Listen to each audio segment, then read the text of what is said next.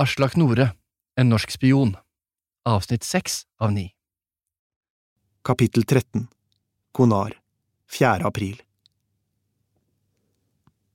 Jeg hadde sovet et par timer etter solnedgang. Det var kaldt. Jeg var blitt mye mer kraftløs det siste døgnet av mangelen på aktivitet. Underlaget kjentes hardere og mer ruglete enn før. Jeg våknet av at Kåre gispet. Digre mumlet noe uforståelig fra sin plass. Jeg stirret opp i den mørke teltduken. Lukten fikk meg til å presse ansiktet mot en feltskjorte ved siden av åpningen på soveposen. Den luktet stram svette. Fytti helvete! Hva prater du om? sa jeg søvnig. Kom og se! Vaktene hekker på hverandre! Jeg krøp bort til utkikkspunktet. Kåre viste meg nattoptikken. Det kunne ikke være noe annet. Noen hundre meter under oss, i le fra landsbyen, sto to menn og tok hverandre bakfra. I grønnskjæret fra nattkikkerten lignet det en av disse kjendisfilmene som er lekket ut på nettet, der man ser de mekaniske bevegelsene, men ikke så mye annet. Du vet hva denne delen av Konar ble kalt før? hvisket Kåre og besvarte umiddelbart sitt eget spørsmål. Lenge før det ble Nuristan, lysets land. De som bodde her, lot seg ikke konvertere til islam, og Kabul klarte aldri å få skikk på dem. De var kafir, kofar. De var de vantro. Og dette var landet deres, Kafiristan. Nå skjønner jeg hvorfor. Jeg tror vi kan fastslå at de ikke har oppdaget oss, hvisket jeg. Klokken var litt over ni på kvelden. Før midnatt burde lasten være framme. Jeg hadde konferert med Digre på nytt. Han hadde kommet fram til at det beste var å forsøke en infiltrasjon i natt. Kanskje var mennene slitne etter en lang tur over fjellet. Men det var avhengig av at missilene ikke ankom landsbyen for sent. Tidsluken lukket seg ved Fair, dagens første bønn, før klokken fire på morgenen. Vi måtte være ute av dekkhuset en halvtime før. Turen ned skulle ta maksimalt en halvtime, vi trengte én time til å lokalisere og desarmere våpnene. Kåre lå urørlig ved kikkerten. Jeg lå og vred meg ved siden av ham. Hva går det egentlig av deg, Peter? Hva snakker du om? Du har vært fjern i det siste, jeg kan ikke forklare hvorfor, jeg kjenner det bare. Det er vel ikke så rart, det? Tenk på alt som har skjedd, opptøyene i Herat og nå dette. Tenk at vi ligger her. Noen ganger klarer jeg ikke å slutte å tenke på hvor sinnssykt det er. At vi er her, høyt oppå et fjell, kikker ned på noen sinnssyke folk. Hva vet vi egentlig om dem? Hva er det egentlig vi driver på med? Det begynte før det, sa Kåre lavt, knapt hørbart. I Dubai var du i fin form, men du har ikke vært den samme siden du kom tilbake fra leiligheten til Paus. Hva skjedde egentlig der? Jeg knep øynene sammen. Jeg vet ikke, Kåre. Vet ikke hva som skjer. Skal jeg fortelle deg noe? Jeg stirret opp i kamuflasjenettet. Kjerringa er gravid, Peter, med en liten guttunge. Jeg skal bli far, Petter. Der vi lå, inni den stinkende OP-en, omfavnet jeg Kåre. Det er helt sjukt, hvisket jeg. Gratulerer. Jeg var ærlig da jeg sa det. Samtidig lå noe annet under. Hva ville skje med makkertjenesten? Med oss? Han skal hete Kåre junior, fortsatte han opprømt, og han skal ikke gå samme karrierevei som oss. Folk tror du er sjarlatan, Kåre. De tar feil. Du er den streiteste fyren jeg kjenner. Men du har Emma. Noe brast i meg. Jeg fortalte om mailutvekslingen mellom Paus og Emma. Jeg fortalte om opptakten, om de brutte løftene mine, om kranglene, om mistankene. Kåre vugget på hodet mens han holdt blikket stivt inn i kikkertlinsen. En mørk silhuett. Jeg fortalte om hvordan jeg hadde sittet inne i Paus mørke leilighet, bare opplyst av skjermbildet. Og så sender Emma denne chattemeldingen. Hva gjør du da? Nei, hva gjør du da? Tenk at det kan ligge så mye følelser rundt én en eneste setning. Emmas følelser overfor deg, dine følelser der du sitter som en hannrei uten mulighet til å svare. Jeg ser det for meg, sa Kåre. Men hva betyr det? Alt eller ingenting. Sannsynligvis det siste. Tenk over det. Emma er sur på deg. Hun sender Paus en melding, han bryter regelverket og svarer henne. Hun er glad for det, men ensom. Derfor vil hun chatte. Emma ville aldri innledet et forhold til Paus. Hun er class, det er jeg sikker på. Vi har undervurdert Paus før. Sant nok, sa Kåre. Jeg har på følelsen at den historien er knyttet til oss på en måte. Jeg vet bare ikke hvordan ennå. Vi ble avbrutt av lyden av motorsykler. Først var den svak, nesten som summing. Deretter ble den kraftigere. Digre og RR våknet automatisk og satte seg opp. Kåre fant fram den sterkeste nattkikkerten vi hadde. I alt var det seks motorsykler, hver med to mann. Gjennom den absolutte stillheten i dalen hørtes duren ut som en motorsag under en begravelse. Akkurat det virket de lite affisert av. Følget stoppet opp på plassen foran moskeen. Syklene spant og ruste motoren. Ut fra moskeen kom to menn. Vent og se, sa Kåre lavt. Noen idé om hvem disse folkene er, Peter? Nei, ikke sett dem før. Jeg myste ned mot dem. Men ingen i landsbyen har denne profilen, eller disse syklene, det er jeg ganske sikker på. Noen bevegelse borte på iranernes eiendom? Digre snakket lavt til seg selv. Se der, sa jeg. Mennene på motorsyklene kjørte rolig de hundre meterne fra moskébygningen til iranernes dekkhus. Bak på hver sykkel var det lesset noen store, avlange kasser. Porten åpnet seg. Kortesjen kjørte inn foran hovedbygningen. Tre kasser ble lastet av. Søvnmangelen var blåst vekk. Der var de. Grunnen til at vi var her. Grunnen til at vi hadde reist rundt i hele landet, til at vi hadde båret de tunge sekkene opp hit, at vi luktet dritt og at kroppene våre var slappe av inaktivitet. Nå var den perioden over, og det var nå oppdraget begynte.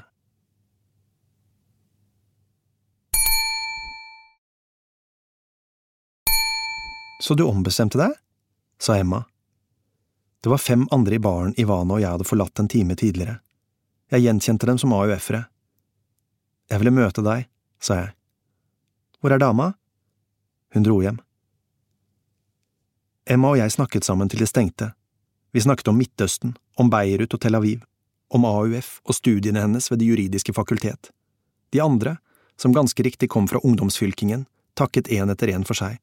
Jentene med moderlig omtanke for henne, guttene med fiendtlig skepsis til meg. Jeg møtte en slektning i Israel i sommer, sa Emma. Han viste meg en bok han hadde funnet etter en slektning, en irakisk jøde fra Basra. På innbretten sto et årstall, sannsynligvis året han hadde kjøpt den, det var i 1912. Boken var Per Gynt på norsk. Kan du tenke deg?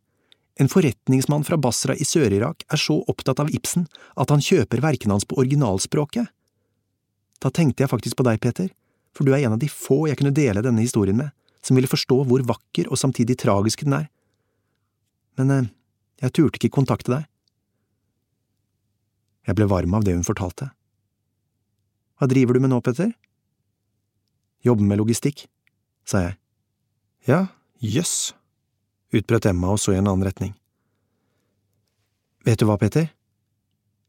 Tror du jeg kan bli sammen med en mann som bare bærer rundt på hemmeligheter?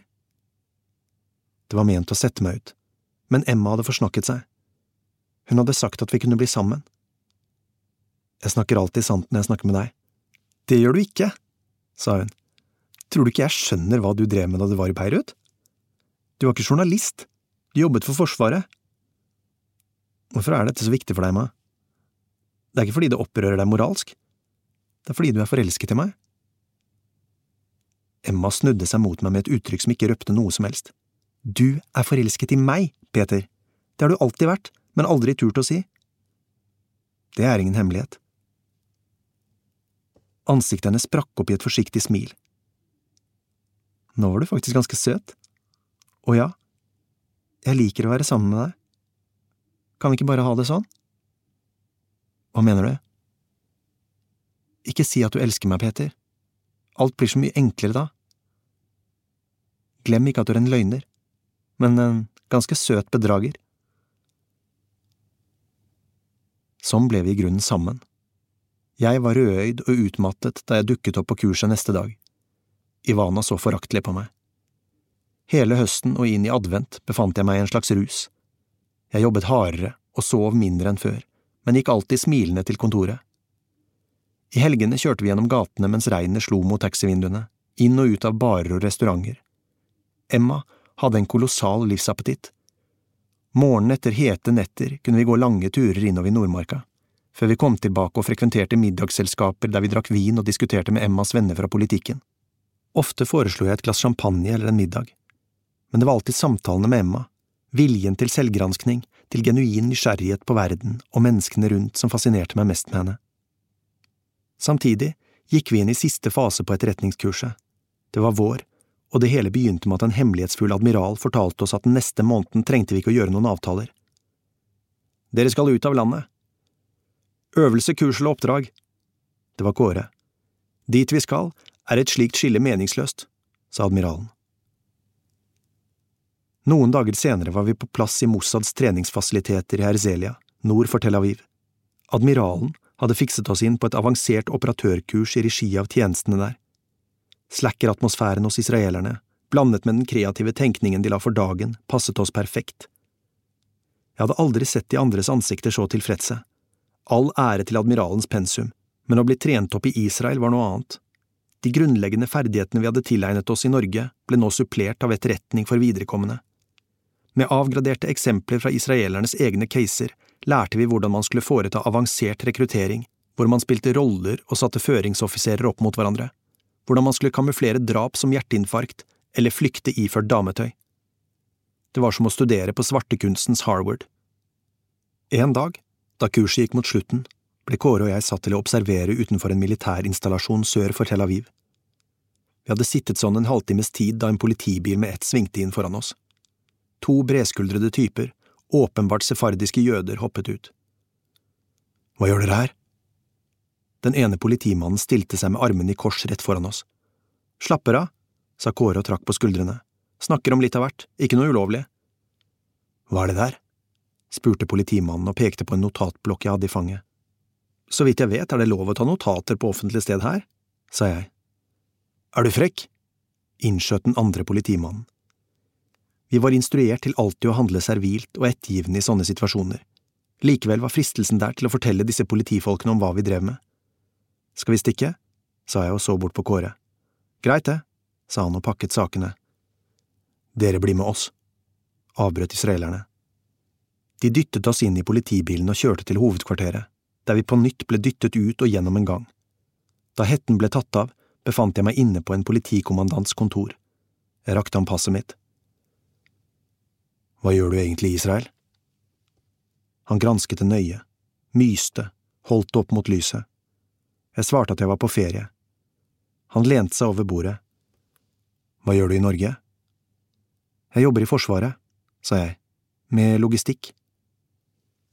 Har du noensinne besøkt de palestinske territoriene? Jeg forsøkte å tenke om jeg hadde stempel derfra i passet mitt. Nei, de var det de andre, i araberpasset mitt. Nei, jeg har aldri vært her. Mister Wessel, sa politikommandanten vennlig, jeg tror ikke du innser hvilket alvor denne saken har. Du er pågrepet utenfor et av landets mest sensitive militære mål. Jeg skulle gjerne latt deg gå, men har ikke noe annet valg enn å sende deg over til sikkerhetstjenesten vår. Shin fucking bet. Hva faen var det her? Var det en øvelse? Var det på ordentlig? Ut i en ny ventende bil, gjennom byen, jeg forsøkte å bruke lydene rundt bilen til å danne meg et bilde av hvor vi kjørte. Tutingen og larmen tiltok. Vi måtte være i nærheten av sentrum. Så ble den svakere. Jeg visste ikke. Kjente ikke Israel godt nok. Hvor lang tid var gått? Heller ikke det visste jeg. Men jeg kjente en dyp frykt av den typen som begynner helt nede i bekkenet og kryper langsomt oppover, gjennom magesekken og videre opp til halsen, som tidevann. To menn grep fatt i meg og fraktet meg løpende, fremdeles med hetten over hodet, gjennom noen fuktige ganger. Nå var vi under bakken, ble slengt inn på en liten celle, en slags glattcelle med nakne vegger, en madrass og latrine. Mot alle odds sovnet jeg. Da jeg våknet, sto to menn med siklende schæferhunder over meg. Bikkjene glefset og siklet. Mennene ropte på hebraisk. Vettskremt krøkte jeg meg sammen. En annen mann satte håndjern på meg og førte meg til et nytt rom et avhørsrom med to stoler, et lite bord og en skinnende lampe. En lav, bredskuldret mann i femtiårene med sideskill og hvit skjorte kom inn i rommet og presenterte seg profesjonelt. Jeg kommer fra den innenlandske israelske sikkerhetstjenesten. Det er vi som håndterer sikkerheten innenfor landets grenser, dermed også de palestinske territoriene. Dette er en misforståelse, sa jeg. Jeg er turist. Mr. Wessel, turister bor på hoteller eller pensjonater, vi har gått gjennom listene på stedene vi vet om, og ingen har ditt navn. Vi hadde bodd på treningsfasilitetene hele tiden. Jeg har ikke gjort noe galt. Ifølge det første politiavhøret har du aldri vært i noe arabisk land, fortsatte mannen med sin umiskjennelig skarne aksent. Det stemmer, sa jeg. Hvordan forklarer du da dette? Han tok et svart-hvitt fotografi opp av dokumentmappen. Bildet var tatt utenfor hovedbygningen på det amerikanske universitetet i Beirut. Der sto en av Hizbollahs lederskikkelser, og et par meter unna sto jeg. Det er ikke ulovlig å studere i Beirut, heller ikke møte Hizbollah-ledere. Jeg vil snakke med en representant for ambassaden. Jeg vet ikke hvordan dere gjør ting oppe i Norge, fortsatte israeleren, men én ting skal du vite. Våre fullmakter overfor folk som er mistenkt for spionasje, er ganske vidtgående. Jeg foreslår at du samarbeider med oss nå, før dette blir ubehagelig. Men jeg holdt kjeft. De dro meg inn og ut av avhørsrom, opp og ned i stresstillinger, vekslet mellom bikkjer i betongkorridorer og kvinner som fristet meg med sex og søvn. Sistnevnte virket på det tidspunktet langt viktigere. Jeg tenkte på Emma, og på Kåre og på admiralen, men mest på Emma, kom alltid tilbake til henne. Jeg befant meg et sted hinsides løgn og virkelighet. Jeg vet ikke hvor lenge det foregikk, kanskje 30 timer, kanskje det dobbelte, sannsynligvis halvparten. Til slutt ble jeg dyttet inn i et rom jeg ikke hadde vært i før.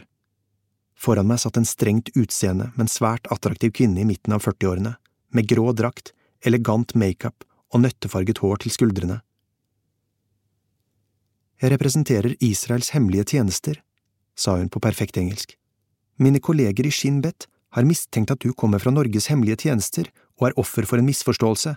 Det er i så fall beklagelig, men da må du oppgi navnene på din overordnede, så jeg kan klarere deg, deretter vil du få reise ut av landet umiddelbart. Ambassaden, sa jeg, med sammenknepet munn, jeg må snakke med dem. Mister Wessel, jeg gjentar for siste gang, gi meg navnet på din norske sjef, og jeg kan klarere deg ut av dette. Det var blitt for mye. Det var gått for langt, og jeg klarte ikke å holde meg lenger. Men i stedet for å si noe sank jeg sammen på bordet foran meg og boret hodet i bordplaten, uten at dette gjorde inntrykk på henne. Hun samlet sammen tingene sine, reiste seg og gikk mot utgangen. Siste mulighet, sa hun. I stedet hulket jeg tunge hulk, mens jeg stanget hodet i bordplaten. Vet ikke hvor lenge. Det var mørkt og kaldt. Så ble lyset slått på. Jeg hørte en stemme jeg kjente. Du kjenner historien om da Tordenskjold kledde seg ut som fisker for å få rede på svenskenes krigsplaner? Han var en undervurdert spion. Gratulerer, Peter Wessel. Du har akkurat bestått eksamen. Aldri hadde jeg blitt så glad for å høre admiralen. Samtidig hadde jeg lyst til å slå ham ned. Det endte med en mellomting. Jeg sank sammen. Så kom de andre ut fra omkringliggende rom, Kåre, høvdingen, Ivana. Admiralen stirret opprømt på oss. Jeg er en stolt mann i dag, folkens. Virkelig stolt. Ta dere en velfortjent ferie, det er nå alvoret begynner. Han gransket oss. Vi har akkurat fått vårt første oppdrag i Afghanistan. Forholdene blir stadig verre. Taliban forsøker å etablere seg i den nordlige delen av landet, der de norske styrkene holder til. Til nå har opprørsvirksomheten stort sett blitt ledet av lokale kommandanter uten militærstrategisk innsikt eller internasjonale kontakter. Men det er i ferd med å endre seg. En ny kommandant har trådt fram. Hans navn er Abdul Khan. Vi skal finne ham.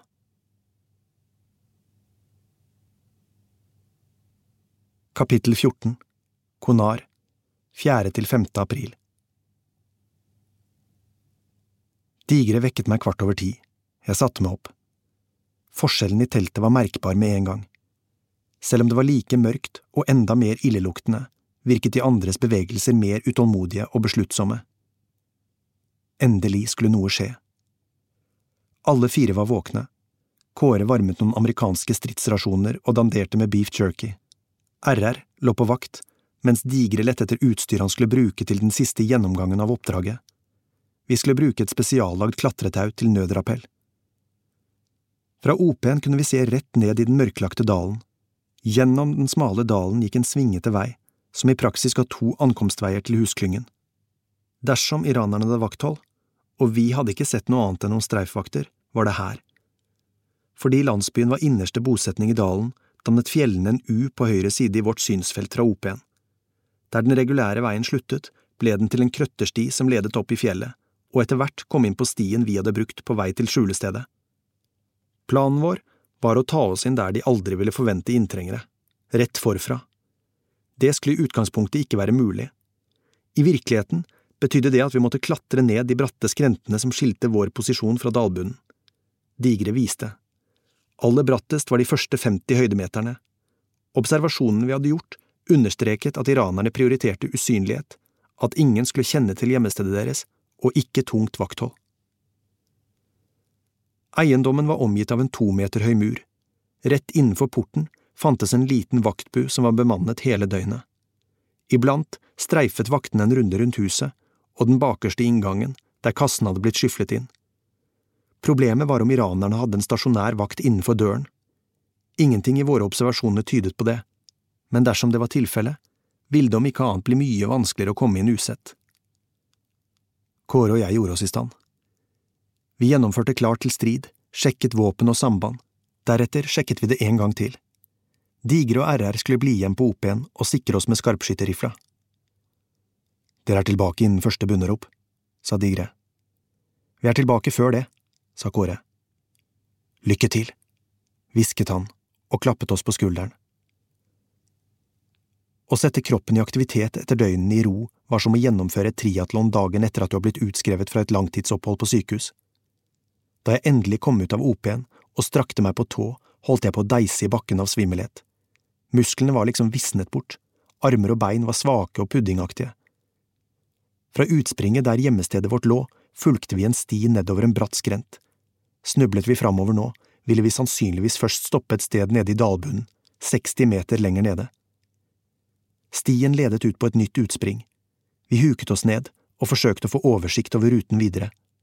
Det verket i knærne. Kåre lente seg framover mot stupet. Dette strekket må vi rappellere, hvisket han. Vi firte oss nedover fjellveggen. I det svake måneskinnet kunne jeg så vidt skimte min egen skygge. Jeg håpet at jeg ikke var like synlig fra landsbyen, dersom noen tilfeldigvis så i vår retning. Skyggen av Kåre var et par meter under meg. Vi landet i et uttørket kratt på nedsiden av fjellveggen. Kvistene brakk da Kåre tråkket på dem. Det laget en for oss skrikende lyd. Vi ble stående urørlig et par lange sekunder. Ingen tegn til at noen hadde oppdaget oss. Det var kaldt. Svetten rant. Vi hadde kommet inn i en ur. Hvor lenge hadde vi gått? Det måtte være en stund. Det tok tid. Landskapet flatet ørlite ut. På nytt stoppet vi, og satte oss halvveis ned på knærne. Kåre tok fram kikkerten. Nå kunne vi se eiendommen fra en helt annen vinkel enn oppe i OP-en. Muren virket høyere og større fordi vi var nærmere og lavere. Vi har ikke god tid, sa Kåre. Vi må øke tempoet. Veien videre ned til elven gikk mellom noen runde koller. Vi holdt god fart, og ingenting i bevegelsene til vaktene ved iranernes eiendom tydet på at de hadde fattet mistanke. Og hvorfor skulle de? På dette stadiet var vi mest engstelige for løshunder, men ingen kom. Vi var nå kommet ned til elven som skilte oss fra eiendommen. Parallelt med elven gikk et lite gresskledd høydedrag. Vi la oss bak det og krøp fram. Det ga oss dekning. Den lille kanten vi lå på var akkurat høy nok til at vi kunne skotte over muren til iranernes eiendom. Fra vaktbua ved inngangen kunne vi høre lav musikk og stemmer. De var tre, maks fire mann, akkurat som de hadde vært. Veien inn i bygningen gikk over en bro 50 meter i motsatt retning fra vaktposten. Den burde vi komme oss usett over. Deretter ga elvebredden og et lite buskas oss dekning, før vi kom til selve muren. På baksiden av bygningen var en boltet dør, tilsynelatende uten vakthold, som ledet inn i tilbygget der varene var blitt stablet inn. Jeg dultet borti Kåre. Vi la saueskinnsålene under skoene. Det var for å ikke sette merker eller lage lyd. Vi reiste oss listet oss krumbøyde i ly av høydedraget. Like før broa flatet den ut. Det var et parti på ti meter og selve elvekryssingen der vi var mest eksponert. Månen lyste opp. Hvis iranerne så i vår retning nå, ville de se oss. Jeg gikk først. Jeg merket et totalt fokus, som om kropp og hode var ett, som om alt jeg hadde gjort før i livet var en oppvarming til dette øyeblikket. Dette er den beste delen av jobben, tenkte jeg. Dette er crystal meth. All venting i Kabul og i Open, alle meningsløse samtaler, alt var blåst vekk, utenom det helt basale. Kjente meg fri. Fri som en basehopper i wingsuit. Det var fare uten at frykten tar overhånd. Det finnes ingen bedre følelse enn å kontrollere en fare. Jeg hadde kommet meg trygt over broa, gjemt i skogholtet, da jeg hørte lyden av tre som brakk bak meg. Hva var det? Jeg snudde meg. Kåre kvalte et skrik. Han hadde trådt gjennom det råtne treverket på broa så det ene beinet hans var fanget, nesten som i en snare. I måneskinnet så jeg hvordan kroppen vred seg i smerte. Han sto midt ute på den, som et dyr som har gått i en felle. Jeg løp opp på broa og hvisket at han skulle holde seg fast, så knakk jeg planken ved siden av ham. I stillheten ellers hørtes det ut som en prøvesprengning. Kåre heiste seg opp og løp over på andre siden. I to minutter lå vi helt stille.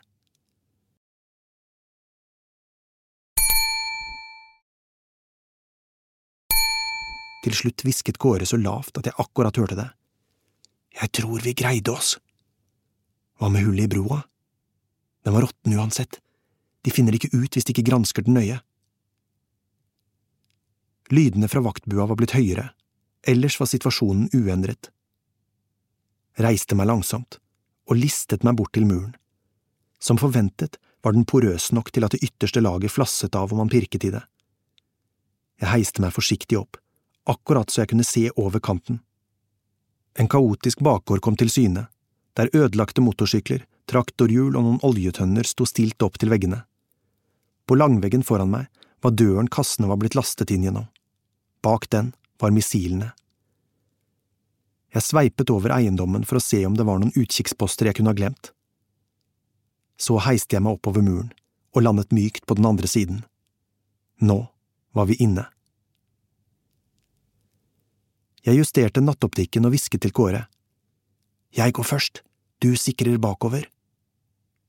Jeg listet meg stille inntil husveggen og bort til døren, mens jeg hele tiden stoppet opp for å lytte etter unaturlige lyder.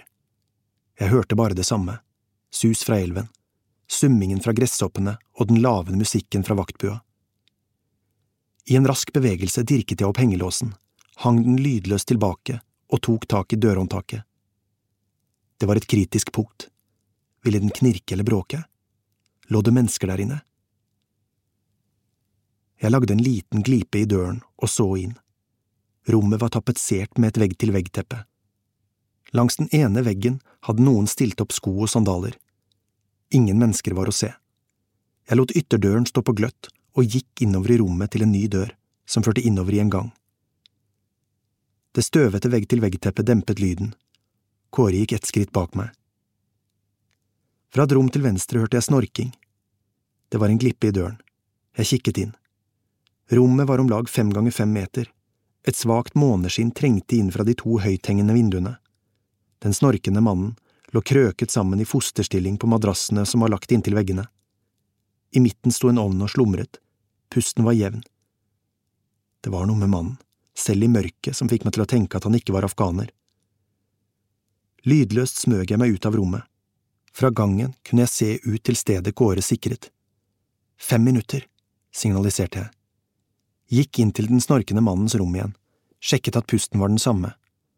På bordet sto en datamaskin, en noen år gammel Macbook. Jeg tok den under armen og listet meg ut. Til alt hell var maskinen slått på da jeg åpnet den, men i den intense stillheten i bygningen hørtes summingen fra harddriven ut som et jetfly som tok av. Lyden stilnet. Jeg spisset ører. Heller ikke nå var det tegn til uvanlige bevegelser. Jeg fant en USB-penn og begynte å føre over informasjon. Uendelig forsiktig la jeg Mac-en sammen, en tommel opp til Kåre, som gjorde tegn til at jeg skulle komme. Den snorkende mannen mumlet noe uforståelig på farsi. Jeg stivnet. I et par sekunder ble jeg stående som en voksdukke midt i rommet, mot utgangen. Månelyset ga den ene siden av ansiktet mitt en mørk blåtone. Etter noe som virket som en evighet, lente mannen seg tilbake i stillingen han hadde sovet. Jeg listet meg videre. I det tredje rommet sto en dør på gløtt, Jeg kikket inn. Foran meg sto kasser stablet. SA-18 Igla. Kassene var om lag 1,60 lange. De var merket på russisk og arabisk. Kåre lukket døren etter meg. Det var så trangt der inne at vi nesten ikke kunne sette oss ned på gulvet samtidig. Raskt fant jeg kamera og dokumenterte det jeg så. Kåre hadde hodelykten på og var i gang med å sette de øverste kassene lydløst ned på gulvet. Han konkluderte med at de ikke var plomberte. Vi åpnet hver vår kasse og begynte arbeidet. Et par minutter, så ville alt være klargjort. En time, så ville vi være gjenforent med de andre på OP-en. En dag, så ville vi ligge ved bassengkanten på Serena hotell. Vi var nesten ferdig med å ta missilene fra hverandre da Kåre sa. Det er ikke plass til å jobbe for begge to. Du sjekker soverommet igjen. Han hadde bedre teknisk innsikt enn meg. Jeg gikk ut igjen og ble stående i gangen.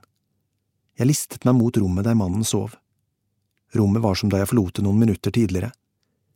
Ved madrassen lå mannens klær. Jeg så på dem, men bestemte meg for at sjansen på å gjennomsøke dem var for stor. Jeg snudde meg. På bordet bak meg skimtet jeg konturene av to små hefter, på størrelse med to pass. Med fingertuppene kjente jeg på dem. Det var to pass. Hjertet hamret vilt. Jeg tok dem opp. Det ene var norsk, det andre iransk. Gjennom nattoptikken kunne jeg ikke skimte annet enn vage skygger på personaliasidene. Jeg holdt passene i tur og orden opp rett foran ansiktet og leste. Det norske var utstedt til Mustafa Hachem. de iranske viste navnet til Amir Khatami. Men bildene var umulig å se. Jeg så bare to ansiktsløse konturer. Jeg tenkte at dette var så avgjørende. Det var et gjennombrudd i jakten på Katami. Jeg måtte ut til Kåre og fotografere det. Det fantes ingen bilder av Katami. Dette var en sensasjon. Jeg måtte få tatt bilde av det. Var det Amir Katami som lå og sov to meter fra meg? Da hørte jeg lyden av stemme fra vaktbua. I det samme kom en melding fra Digre i øret. Vakten i bevegelse på vei mot dere. Avbryt! Exit samme vei som dere kom. Jeg gjentar, avbryt øyeblikkelig! Lynsnart la jeg passene tilbake på bordet og smatt raskt ut av rommet. Kåre kom meg i møte i gangen. Døren vi hadde kommet gjennom ledet rett ut i bakgården. Fordelen var at eventuelle vakter måtte gå inn fra andre siden og gjennom huset for å komme dit. Veien var klar. Kåre løp først, jeg fulgte etter. Vi tok oss enkelt over muren og landet på andre siden. Andpustne ble vi liggende der. Vi stikker, hvisket jeg. Nei, vi gjemmer oss. Hvorfor det? Fordi missilen ikke er ferdig desarmert. Faen! Kåre hadde rett. Vi måtte bli igjen. Det var ikke noe annet valg. Så var Digre på øret igjen. Døra dere kom ut blir åpnet. Ta til venstre og hold langs elva. 50 meter framme er et buskas. Kåre meldte hviskende at vi ikke hadde desarmert målene. Jeg gjentar, avbryt, hørte jeg Digre si. Vi gjorde som han sa, og løp bortover. Ved buskaset la vi oss ned. Da hørte jeg det, den raske, kortpustede lyden av en bikkje. Helvete, tenkte jeg, før jeg ikke rakk å tenke, for fra venstre kom en hund løpende, i fullt firsprang og hoppet på meg. Før jeg rakk å tenke meg om, hadde jeg dratt kniven og kjørt den rett i kjøterens hals. Jeg landet med dyret over meg. Overkroppen min var dekket av blod. Kåre styrte til mot meg. Hva faen skjer? Kåre slengte det døde hundekadaveret over skulderen. Ser du flere bikkjer? Jeg tumlet meg på beina. Nei, kaste skrotten i elva, sa Kåre. Er vi heldige, flyter den vekk så ingen ser den. Ingen bitt eller andre sår. Det virket ikke sånn. Deretter løp vi gjennom noen kratt. Bak oss hørte vi et orkester av hunder som ulte og bjeffet. Ingen tegn til at vaktene forstår noe. Du har kamera og minnebrikke? Ja, sa jeg. Vi var så jævlig nær å ta ut missilene. Vi bør være oppe på en time, i god tid før morgenbønnen, sa Kåre. Så prøver vi igjen i morgen. Kapittel 15 Konar 5. april Vi hadde klatret opp de bratteste fjellveggene og var på vei oppover en krøttersti. Vi befant oss ikke mange hundre meterne fra OP-en. Selv om skuffelsen over å ha vært så nær å løse oppdraget naget i brystet, var det ikke sikkert det var noen krise. Vi hadde ikke blitt oppdaget. I morgen skulle vi fullføre. Jeg voktet minnebrikken som om det var Den hellige gral jeg bar med meg, hadde lagt den inni en kondom i en lomme som var vanntett. Da hørte vi med ett lyden fra en fløyte. Den pipende lyden ga gjenlyd i fjellet. Så var de der. Foran meg. Under 30 meter unna sto to unge gutter. De kunne kanskje være 14–15 år gamle, og pekte mot oss med noen gjeterstaver. Automatisk grep jeg etter pistolen min. Hva er det du gjør? tenkte jeg i neste øyeblikk, dette er jo barn. Guttene ble stående slik på avsatsen noen langsomme sekunder, som jeg selv hadde stått når vi kom over rester fra krigen der jeg vokste opp. De var fillete kledd og pekte rett mot meg. Den ene av guttene holdt fingeren over leppene, som om han hysjet på den andre. Så forsvant de på stien bak utspringet. Helvete! ropte jeg. Nå kunne vi se langt etter å desarmere missilene. Vi måtte vekk fra landsbyen, fra området. Melder til Digre at vi har oppdaget, ropte Kåre tilbake. Han rapporterte til Digre. Så grep Kåre meg og sa, Peter, gutta avvikler posten og stikker asap, vi følger denne ruta. Han pekte på kartet. Denne ruta til Pickup Point Bravo, det er kanskje fire timers rask marsj herfra. Jeg stirret på kartet. Og Peter, bestemt, men rolig, det er avgjørende nå, vi er tilbake på Bagram til middag. Han blunket, men jeg merket hvor nervøs han var. Faen. Vi hadde vært så nærme missilene. Faen. Jeg forsøkte å få et overblikk over situasjonen. Gjeterguttene var på vei ned stien til landsbyen. Turen deres ned ville ta rundt en halvtime, anslo jeg, og det virket sannsynlig at folk ville komme etter oss når de hørte en slik melding. Skulle vi unngå åpen konfrontasjon, måtte vi være nede fra fjellet før etterfølgerne ankom. Selv måtte vi bort fra denne dalen, følge en skrent inn i fjellet og komme ned i et nytt dalføre. Der var møtepunktet. Vi småløp oppover stiene som buktet seg over juv og hundre meter høye stup, som om vi befant oss i en mytologisk urtid, fjernt fra vår egen virkelighet. I dagslys virket fjellene langt mer skremmende enn da vi besteg dem om natta. Ett skritt feil, en glipp med støvelen, en feil balanseoverføring, og det ville være slutt. På avstand skimtet vi gjeterguttene løpe over markene mot landsbyen. Sammenlignet med vår tidligere oppakning virket stridsutrustningen vektløs. Det var bare det mest nødvendige. Jeg var ikke sliten, jeg var redd, uten riktig å vite hva som skremte meg, for vi burde ha lite å frykte fra våre motstandere her. Vi løp videre, og nådde stikrysset der veiene delte seg før noen av forfølgerne nådde fram. Sommerfugler spratt ut fra steinene. Stien til stedet vi skulle plukkes opp av helikopteret, gikk gjennom kupert og ulendt terreng. Klimaet var merkbart forskjellig fra den tynne fjelluften, og her kunne vi kjenne den søte lukten av trær og valmuer. Kåre gjorde plutselig holdt i front. I sambandet hvisket han. Hva er det som brenner opp på fjelltoppene? Vi så rundt oss. Fra fjelltoppen foran oss så vi ild. Vi snudde oss. På fjellet bak oss lyste også en flamme opp. Helvete! Bannet han. Det er en melding til neste landsby. Folkene kommuniserer med hverandre. De vil komme etter oss. Vi økte tempoet gjennom lendet, som vekslet mellom svak vegetasjon og nakne knatter og knauser. Etter en halvtimes marsj beordret han stopp. Jeg satte meg på huk og speidet i min sikringsretning, mens jeg glupsk drakk det jeg hadde av vann. To timer til de plukker oss opp, sa Svalastoga. Jeg fikk en ubehagelig følelse av å være iakttatt. Det måtte være innbilning. Det var viktig å ikke bli paranoid nå. Jeg la hodet mot den myke vinden. Fremdeles ingenting. Vaktsomt stirret jeg opp mot fjellsidene. Var det en bevegelse jeg så? Til slutt var summen av sanseinntrykkene blitt nok til at jeg meldte holdt til Kåre. Akkurat da begynte de å skyte. Knatringen kom fra to eller tre AK-er på samme side, resonnerte jeg mens jeg stupte langflat på den harde bakken. Vi rullet ned i en liten rift i landskapet. Jord fra kulenedslagene spratt opp på alle sider rundt oss. Riften ga oss foreløpig dekning. Jeg merket en plutselig ro, et slags tunnelsyn som om jeg befant meg i et absolutt ekvilibrium. Klokka sju, hvisket jeg til Kåre i sambandet. To til tre mann, vi må framover. De kan angripe i L-formasjon, meldte han tilbake.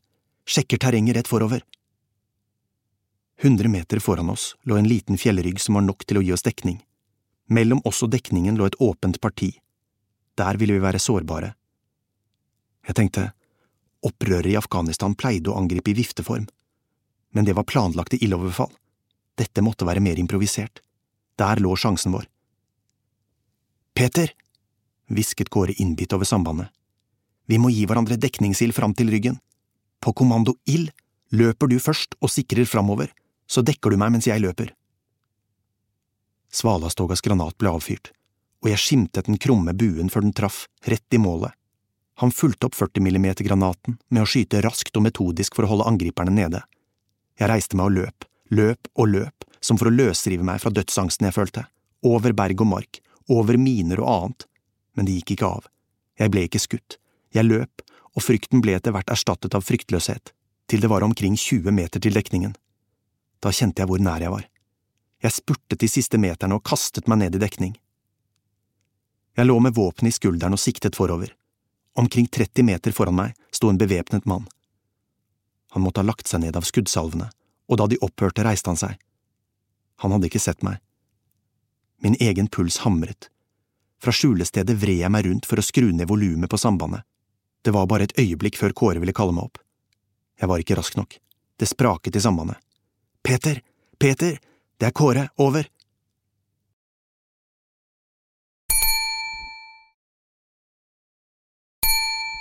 Mannen foran meg rykket til. Han hadde hørt noe. Jeg hadde ham i kikkertsikte. I samme øyeblikk trakk jeg avtrekkeren langsomt tilbake, som jeg alltid hadde fått innprentet fra rekruttskolen og hadde gjort titusener av ganger, kjente skuddet gå av, og den lette rekylen fra 416-rifla. Først forsto jeg ikke hva som skjedde. Mannen fikk et inngangsår i pannen. Han falt bakover. Jeg hadde truffet ham i hodet. Han var død. Det var ham eller meg. Jeg stirret foran meg. Med ett kunne jeg se alt, hver minste krusning i landskapet, som om hendelsen hadde fått meg til å ta i bruk hele min hjernekapasitet. Landet virket med ett enda vakrere. Fjellene farget røde av sollyset, den klare blå himmelen. Og stillheten. Den var absolutt. Og ved sambandet beordret jeg at Kåre ventet mens jeg sjekket om det var flere opprørere foran oss. Så snudde jeg meg tilbake mot Kåres posisjon, ga ham klarsignal og begynte å skyte mot åssiden der de første angriperne lå, mens han løp inn i mitt synsfelt fra venstre. Noen sekunder senere lå vi sammen ved høydedraget. Jeg tror de trakk seg tilbake, sa jeg. De regrupperer, sa Kåre. Dette er ikke over. Et voldsomt brak kastet meg mot bakken. En RPG-rakett sprengte i en bergvegg rett bak meg. Kåre gikk omtrent 20 meter bak. Raketten hadde kommet fra siden jeg sikret, og som ved en tilfeldighet hadde jeg sett omtrent hvor den ble skutt fra. Mellom meg og angriperens posisjon var det bare lett vegetasjon. På andre siden av det lille høydedraget ville jeg ha dekning. Problemet var at det var en elv. Ikke før jeg hadde gjort denne observasjonen, ble den lille fjellryggen Kåre og jeg befant oss på, pepret med kuler. Jeg kjente igjen lyden. AK-47. Jeg søkte dekning i en liten nedsenkning i landskapet, mens jeg hørte den raske lyden av kuler slå ned i den harde bakken rundt meg. Fi klokka ni! ropte jeg over sambandet. Kåre svarte ikke. Hvor var han? Da jeg snudde meg, så jeg det. Etter den første beskytningen måtte Kåre ha kastet seg bakover og landet i elven uten at jeg merket det, for nå klamret han seg fast til en stein midt i elven mens han brølte et sykt rop, så fylt av dødsangst. Jeg forsto hvorfor. Nedenfor Kåre smalnet elven samtidig som den gikk bratt nedover, noe som gjorde vannet om til ville, hvite stryk. Jeg kommer, Kåre! brølte jeg. Mistet han taket nå, var han ferdig. Jeg hadde også andre ting å tenke på. Kuleregnet hadde opphørt noen sekunder, men nå kom en ny bølge med ild. Liggende skrått i dekningshullet mitt ladet jeg granatutskytningsrøret mitt. Da den fiendtlige skytingen opphørte, rullet jeg over på magen, siktet mot steinen og trakk av. Det ble stille fra posisjonen skudden hadde kommet fra. Det burde gi meg nok tid til å komme meg ned til Kåre. Jeg kravlet de ti meterne ned til elven. Kåres kropp var skjult av vannmassene, men armene hadde låst seg rundt en stein som sto opp. Kåre! Raskt fant jeg repet jeg hadde i jakken, og bandt det fast rundt en stein. Så vadet jeg ut i elven i en bakevje som hindret den sterke strømmen i å gripe fatt i meg, mens jeg holdt meg i repet. Det iskalde smeltevannet nådde meg først til midt på lårene, senere til magen, til sist opp til brystet. Peter, jeg klarer ikke mer, gurglet Kåre. Jeg holdt fast i noen små steinformasjoner selv med min høyre hånd, og sto så langt ute i elven som fysisk var mulig, uten selv å bli revet med av strømmen. Jeg var mindre enn to meter fra ham. Med min venstre arm, kastearmen, slengte jeg tauet mot gårde. Det nådde nesten fram, men ble liggende og duppe mellom meg og ham i den rasende elven. Kåre hadde nå to muligheter. Han kunne holde som han gjorde, men presset fra strømmene ville snart rive ham løs og ned strykene. Eller han kunne satse alt på ett kort. Men ville han klare å gripe og holde seg fast i tauet? Det går ikke, Peter, ropte han, kast på nytt! Som en hobbyfisker, bare så uendelig mye mer desperat, trakk jeg tauet til meg og samlet meg til et nytt kast.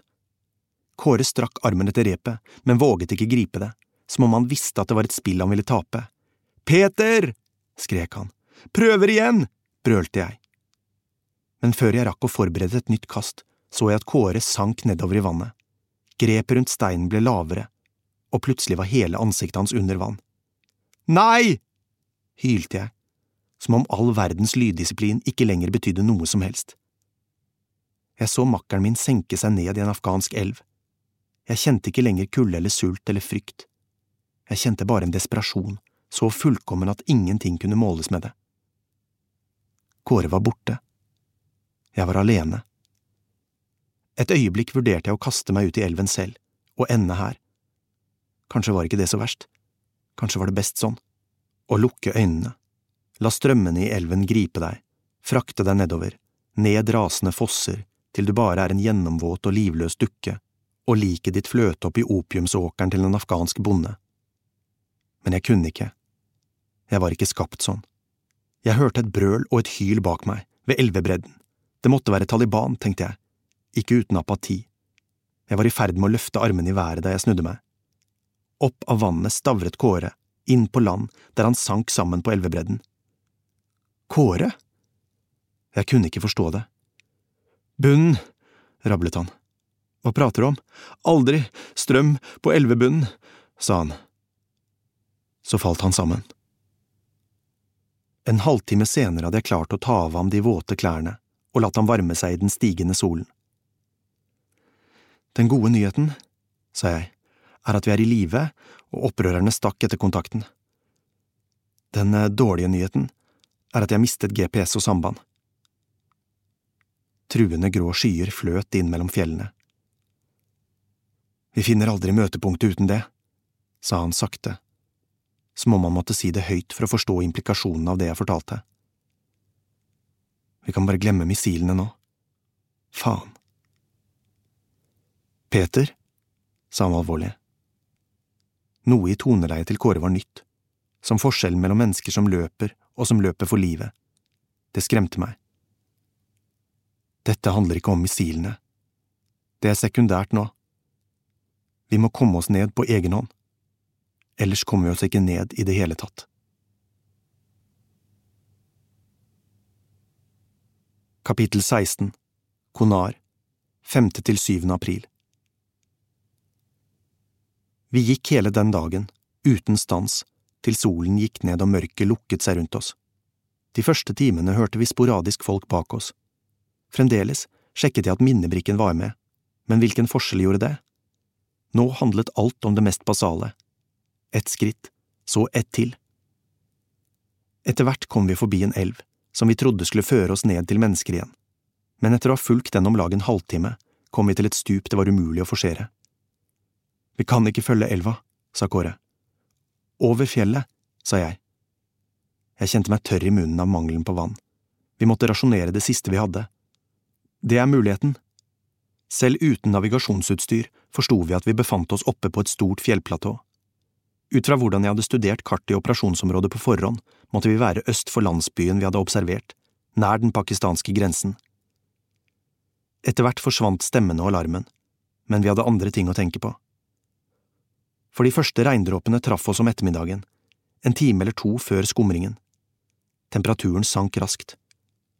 På dagtid, oppe i fjellene, kunne solen varme på denne tiden av året.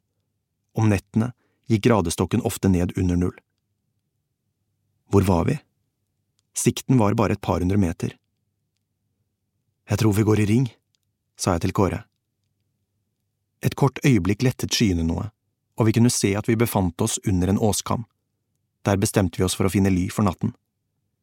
Det må være noen huler eller bergsprekker her, sa Kåre. Ikke gå langt, sa jeg, vi kan komme bort. Etter en halvtimes leting var det blitt helt mørkt, og selv om øynene våre var tilvendt mangelen på lys, forsto vi at stedet vi lette etter ikke kom til å bli funnet. Vi måtte nøye oss med en sprekk under en kampestein. Regndråpene falt tettere. Det var virkelig dårlig nytt, for den runde steinen ga oss ikke mer beskyttelse enn at regnet pisket inn på stedet vi søkte tilflukt. Jeg satte feltflasken ut i regnet, med en presenning surret rundt tuten for å samle væske. Jeg hadde en energisjokolade og en liten pose rosiner, Kåre det samme. Vi tok en rask beslutning om å spise hver vår sjokolade. Rosinene sparte vi. Regnet rant i strømmer nedover steinen som vi lå under. Har du jervenduken? spurte Kåre. Jeg ristet på hodet. Den hadde forsvunnet i ildoverfallet. Helvete, bannet han. Hvor uflaks er det mulig å ha? Regn i Afghanistan, liksom? Vi lå og hutret mens dråpene falt tettere rundt oss. Det regner og vi fryser, sa jeg, og vi kan ikke stoppe missilene. Vi har tapt, Kåre. Drit i missilene, hveste han. Vi skal komme oss tilbake, så kommer det andre etter hvert. Vi forsøkte å dekke oss til med kvister og busker vi fant, men det var lite vegetasjon så høyt. Vinden blåste opp, i hvert fall kjentes det slik. Vi la oss ned sammen på den bløte marken, tett omslynget for å holde varmen. Ivana, sa Kåre plutselig mens vi lå sånn. Jeg er ikke Ivana, svarte jeg. Over oss ulte vinden. Hva er egentlig greia med deg og Ivana? spurte Kåre. Hva faen snakker du om? Jeg kjente kroppen hans riste, jeg hutret også. Nå som vi ligger her, kan vi være helt ærlige. Han stoppet opp, som om han skulle si noe annet, at vi skulle dø. Det, er ingenting mellom Ivana og meg, hutret jeg. Åh, kom igjen, sa Kåre, du er keen på henne, ikke prøv å late som noe annet. Alle er vel det, sa jeg, og kjente at jeg forsøkte å dekke over. Kåre skjøv meg bort og satte seg halvveis opp, ansiktet hans var vått av regn eller tårer. Vet du hva, Peter, vet du hva som er problemet ditt? At du ikke klarer å snakke om det som virkelig betyr noe, de innerste tingene, men alltid gjemmer deg bak sølvtungen din. Tror du ikke jeg har sett det, du og Ivana? Jeg ser sånt. Jeg har Emma, Kåre. Hvis noen skulle utfordre henne, er det Ivana.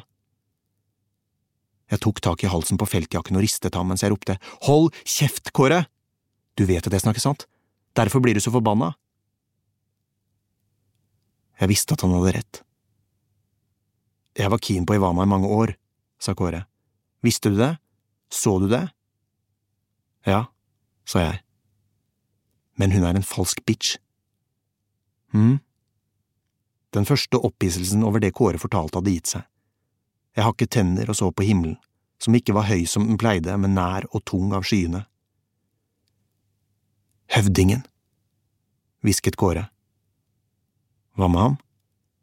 Han skulle faen meg ha vært her nå. Hvorfor sier du det nå? Høvdingen var skihopper, som meg, visste du det? Hoppbakker har alltid minnet meg om død, sa jeg. Ligger rundt i hele Norge, rustne, forfalne, råtne. Jeg hoppet lenger enn høvdingen, fortsatte Kåre, men han hoppet ganske langt. Hvorfor sier du dette nå? Du er en player, Peter, det skal du ha for. Vet alltid hvordan du skal manøvrere deg rundt, litt sjarm her, litt akademisk lingo der, noen våpenferdigheter og muslimske damer du kan ligge med. Men du er en bløff. Alt er spill for deg. Du har ingen kjerne. Om ett år sitter du sikkert i New York uten å tenke på oss, på høvdingen, på noen ting. Hva snakker du om? Sannheten, Peter, er at du gir faen i alle rundt deg, du har aldri brydd deg om meg, og heller ikke høvdingen. Til slutt sa Kåre, du vet at jeg har fantasert om å drepe deg etter det som skjedde? Jeg sa ingenting. Natten var svart, regnet tiltok, jeg skalv. Tenk om det var du som var død, og høvdingen som var i live. Da jeg våknet igjen, var det grålysning. Himmelen, grå og rød i fargen, reiste seg over oss som et telt. Jeg var iskald, men i grunnen like glad. Kroppen kjentes som å bli vekket etter to timers søvn når du har vært på spritfylla. Kåre sto over meg. Vi må fyre bål, sa han. Det er brudd på lysdisiplinen, mumlet jeg. Munnen min var full av jord, stemmen min bar knapt. De kan se flammene, Opprørerne kan se det. Kåre røsket meg opp. Det verket i hele kroppen. Peter, skjønner du ingenting? Fyrer vi ikke opp nå, dør vi. Jeg var ennå for apatisk og fortumlet til å forstå alvoret, men merket meg at Kåre spikket fliser av noen røtter og busker. Regnet hadde stoppet. Det var igjen klart, men betydelig kaldere. Klærne mine var halvveis frosset i timen jeg hadde sovet. Jeg forsøkte å bevege meg, men verken armer eller bein adlød. Kåre kastet jakken sin til meg. Surr denne rundt deg, kommanderte han. Trenger den ikke. I stedet begynte jeg å ta av meg feltjakken. Du har pådratt deg hypotermi, Peter. Ta på deg jakka, ellers gjør jeg det for deg. Jeg lo, temmelig hysterisk. Ti minutter senere hadde han fått fyr på bålet. Jeg lente meg over flammene, først for å bli enda kaldere, som var et godt tegn, til varmen igjen begynte å vende tilbake. Etter en time hadde jeg fått føling med resten av kroppen. Hvordan går det med deg? spurte jeg. Han trakk på skuldrene. Vi må videre, skal faen ikke ligge her ute en natt til, da er det over og ut. Vi pakket sammen sakene våre og gikk videre. Nå var det jeg som førte han. Vi befant oss i et fjellmassiv der ingen mennesker bodde. Vi måtte finne et sted der det bodde folk, men fra posisjonen vår høyt oppe i fjellet, der toppene ble tvinnet inn i hverandre, enten som melishvite topper eller gråbrune koller, var det vanskelig å se hvor de fruktbare dalene var, hvor veien ned gikk.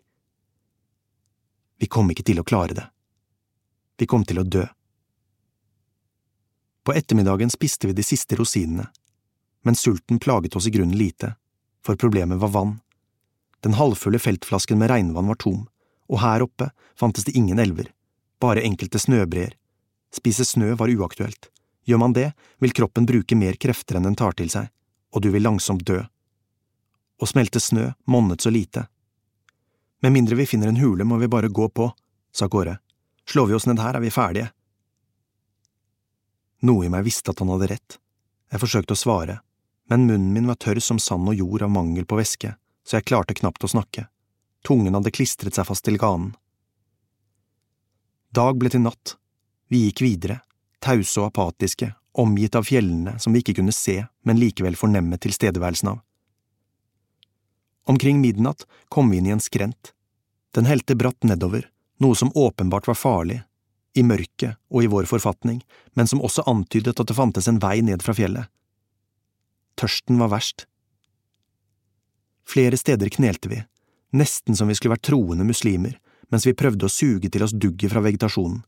Til slutt dro jeg av meg sokkene og vridde dem opp mens jeg gapte, for å få noen dråper ned i den tørre munnen. Jeg tror vi er på rett vei, stønnet Kåre. Hører du det samme som meg? Skrenten vi hadde fulgt, ledet ut i en lysning. Hvis vi ikke bare innbiller oss ting? Nei, sa han og spisset ører, det er vann. Vi småløp over den lille lysningen, fraktet av krefter vi ikke hadde. Den tok brått slutt i et søkk, vi ble stående på kanten, tre meter under oss rant en elv. Jeg hadde lyst til å grine, eller omfavne Kåre, men ble først bare stående pal, som om jeg ikke forsto hva som skjedde. Vann, Peter, det er masse vann! Vi hoppet ned i skrenten og satte oss på kne ved bredden. Jeg holdt hodet under vann, jeg drakk til jeg ikke klarte å innta mer, det var det beste jeg noensinne hadde smakt. Der det er en elv, er det mennesker, sa Kåre. Det var omtrent 48 timer siden vi hadde blitt oppdaget. Dagen opprant. Vi fulgte den svingete elven nedover, langs marker og plantasjer, til vi så det første huset, et lavt afghansk hus støpt i leire. Hva gjør vi? Vi stoppet omkring hundre meter unna. Ingen mennesker var å se. Et øyeblikk diskuterte vi å ta bøndene som gisler, men vi slo det fra oss. Vi banker på, sa Kåre. Vi har ikke noe valg. En afghansk mann kikket ut gjennom dørsprekken. Deretter åpnet han døren. Det siste jeg husker, er at vi tumlet inn, og jeg falt framover.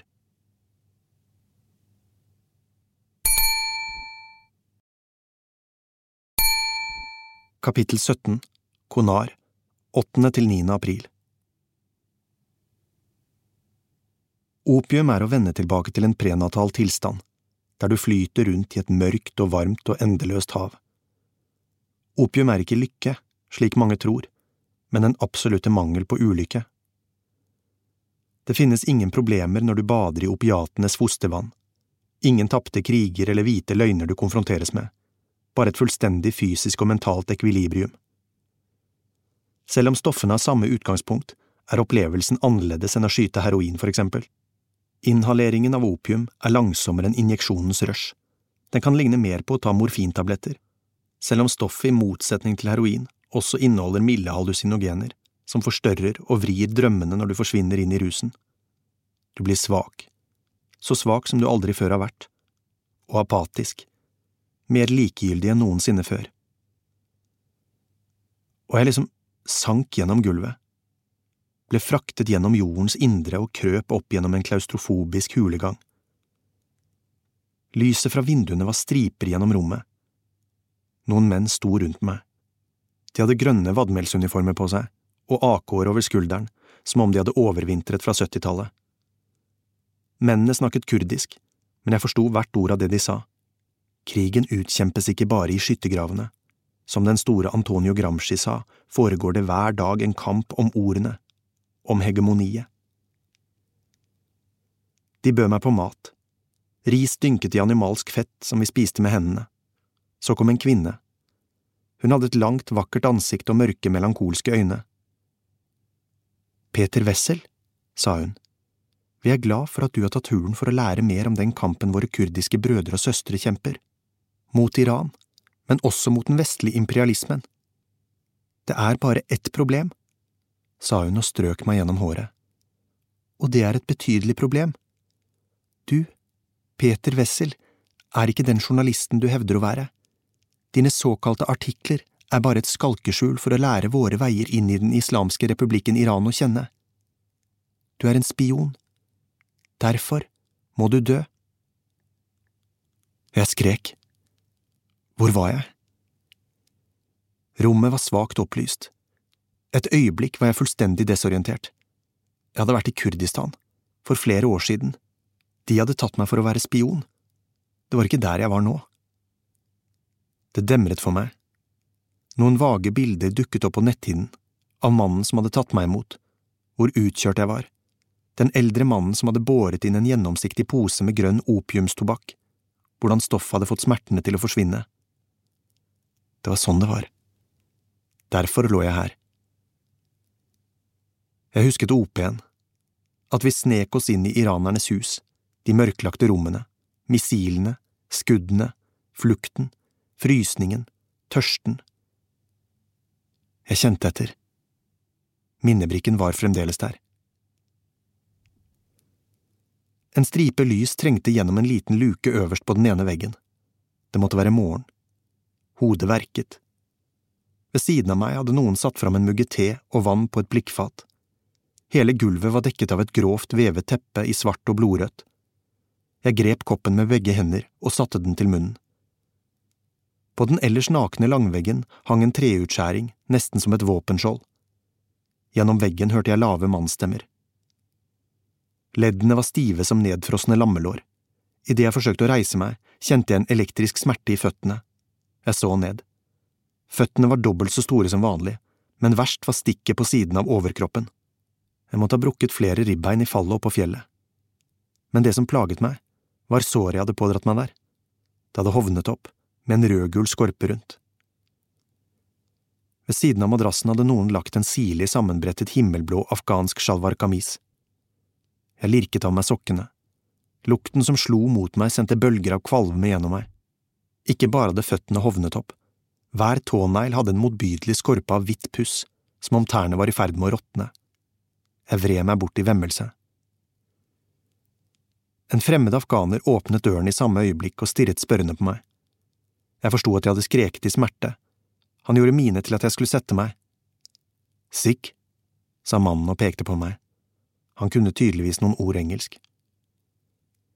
En liten gutt med store øyne og ansiktet dekket av røde, akneaktige sandfluebitt bar inn noe mat. Allerede da jeg kjente lukten, var jeg sikker på at dette ville bli det beste måltidet i hele mitt liv. Her var tørt afghansk nan, stekt over en vedovn, ost, yoghurt og ris med noen biter av lam. Jeg spiste med hendene og skylte ned med vann og den bitre teen. Deretter sovnet jeg igjen, og da jeg våknet tuslet jeg forsiktig ut av rommet og trådte inn i det som måtte være oppholdsrommet. I midten av rommet lyste en glødelampe. Jeg forsøkte meg med en forsiktig salam aleikum. Det var et rom av en type jeg hadde sett mange av i landet. Langs veggene lå madrasser, puter og billige tepper. På veggen hang noen familiebilder. I rommet satt mannen som hadde kalt meg sikk, og gutten med sandfluebittene. Far og sønn, tenkte jeg. For meg var han doktoren nå, fordi han hadde sagt sikk. Han betraktet meg avmålt, men tilsynelatende uten den hatefulle arrogansen man så i øynene på folk som sympatiserte med Taliban og Al Qaida. Han var i førtiårsalderen, eller kanskje yngre, og utstyrt med en markant nese som dominerte det smale ansiktet. Skjegget hans kunne være en knyttneve langt. Jeg mobiliserte all kunnskap jeg hadde i Dari. Stotrende forsøkte jeg å gjøre rede for hva som hadde skjedd. Han stirret på meg og på sønnen sin, uten å gjøre mine til å ha forstått hva jeg hadde sagt. Selvsagt. Disse menneskene forsto ikke nødvendigvis mer dari enn jeg forsto deres språk. Det språket var pashto. Jeg var i fiendeland, ikke bare i Afghanistan, men også i den delen av landet som tradisjonelt var mest kritisk til vestlig innblanding. Er du jødisk? spurte doktoren. Han snakket på dari. Noe forsto han tydeligvis.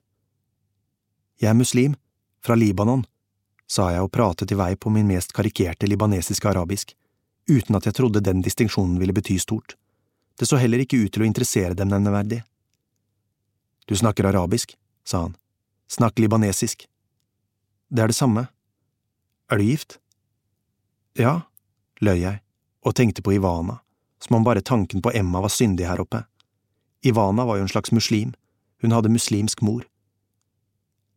Er du i slekt med din kone? Nei. Hvorfor ikke? I Libanon gifter vi oss utenfor slekten. Doktoren ble sittende tankefull. Han hadde en framtoning som ikke gjorde meg redd. I stedet forsterket den følelsen av absolutt fremmedhet, som om våre verdisett var så forskjellige at vanlige følelser ikke var gyldige. Selv om han var pågående, var det ikke noe hatefullt og dømmende i spørsmålene hans. Han bare undret. Og hvorfor skulle han ikke gjøre det? Bortsett fra at han tilsynelatende visste hva en jøde var, jeg ville helst slippe å vite mer om hans syn på jødedommen, var det lite som tilsa at han visste noe om verden rundt, rommet var nakent, ingen TV, ingen radio, ingen strøm, her oppe var islam den eneste globale merkevaren. Vi pashtunere setter gjestfriheten høyt, sa doktoren, høyere enn noe annet folk, vi tar vare på våre gjester, men vi må snakke med stammehøvdingen. Det fantes en kode i disse områdene, Pashtunvali Lukai Varkaval, som tilsa at en fremmed skulle beskyttes med alle midler, om så vertskapets eget liv. Eller var det, som så mye annet, en skolebokdefinisjon som ikke holdt i virkeligheten? Jeg hadde opplevd det før, at folk i Afghanistan og andre steder snakket om hvor høyt muslimer satte gjestfriheten til en mosafer, en reisende, men i praksis var ganske motvillige til å ta dem imot. Jeg kjente meg ille til mote Hodet verket. Samtalen hadde gjort meg utslitt. Jeg merket et stikk av redsel.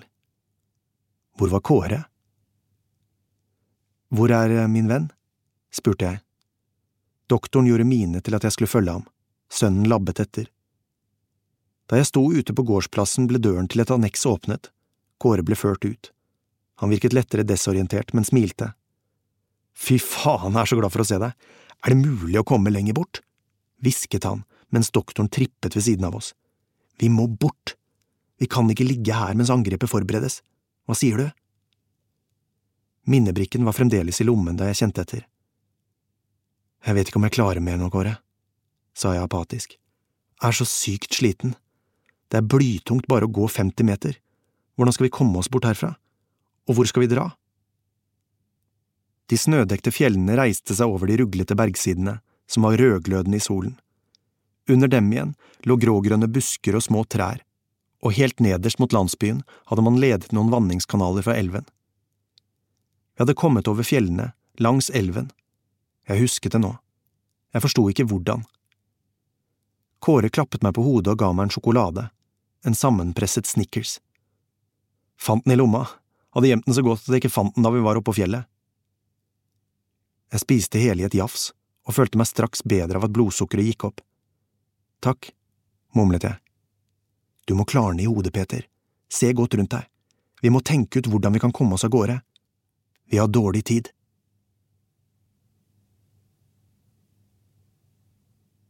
Doktoren og sønnen førte oss ut porten. Etter en kort tur, forbi noen andre hus, var vi framme ved den lille husklyngen som tydeligvis utgjorde landsbyens sentrum. Jeg haltet. Noen smågutter løp etter oss mens de ropte og pekte. Kroppen verket, men det kjentes godt å være ute i frisk luft. Bøndene hadde trukket inn fra markene. Noen menn satt på huk langs husveggene. Ingen kvinner var å se. Likegyldige øyne fulgte vår innmarsj. Hva måtte vel de tenke? Du skal sette deg inn i motstanderens tankesett, hadde admiralen sagt. For første gang virket det umulig. Uansett hva jeg tenkte, klarte jeg ikke å forestille meg hva som foregikk i hodene deres. Vi ble ført ut på en åpen plass, omkranset av de lave husene i leire. Foran de ynkelige fasadene sto kameler og bølinger av slakteklare geiter. En og annen motorsykkel var også å se. Rundt på plassen gikk strengt utseende pashtunske menn med turban og lange, blodige jaktkniver. Lukten av støv og diesel blandet seg med dunsten fra dyrene. Jeg ble stående og følge prosessen. En eldre mann hentet dyret ut av bølingen, småløp med det over plassen og satte kneet i skrotten mens han presset hodet bakover med den andre hånden. Med et raskt snitt skar han over dyrets strupe. Blodet fosset ut, først opp i en søyle, deretter dumpende. Spasmene i geitas kropp vedvarte i flere minutter. Deretter gikk pashtuneren rundt og satte seg på huk bak kadaveret, mens han skar en liten flenge i skinka. Geitas bakdel ble løftet, og mannen førte munnen til inngangssnittet.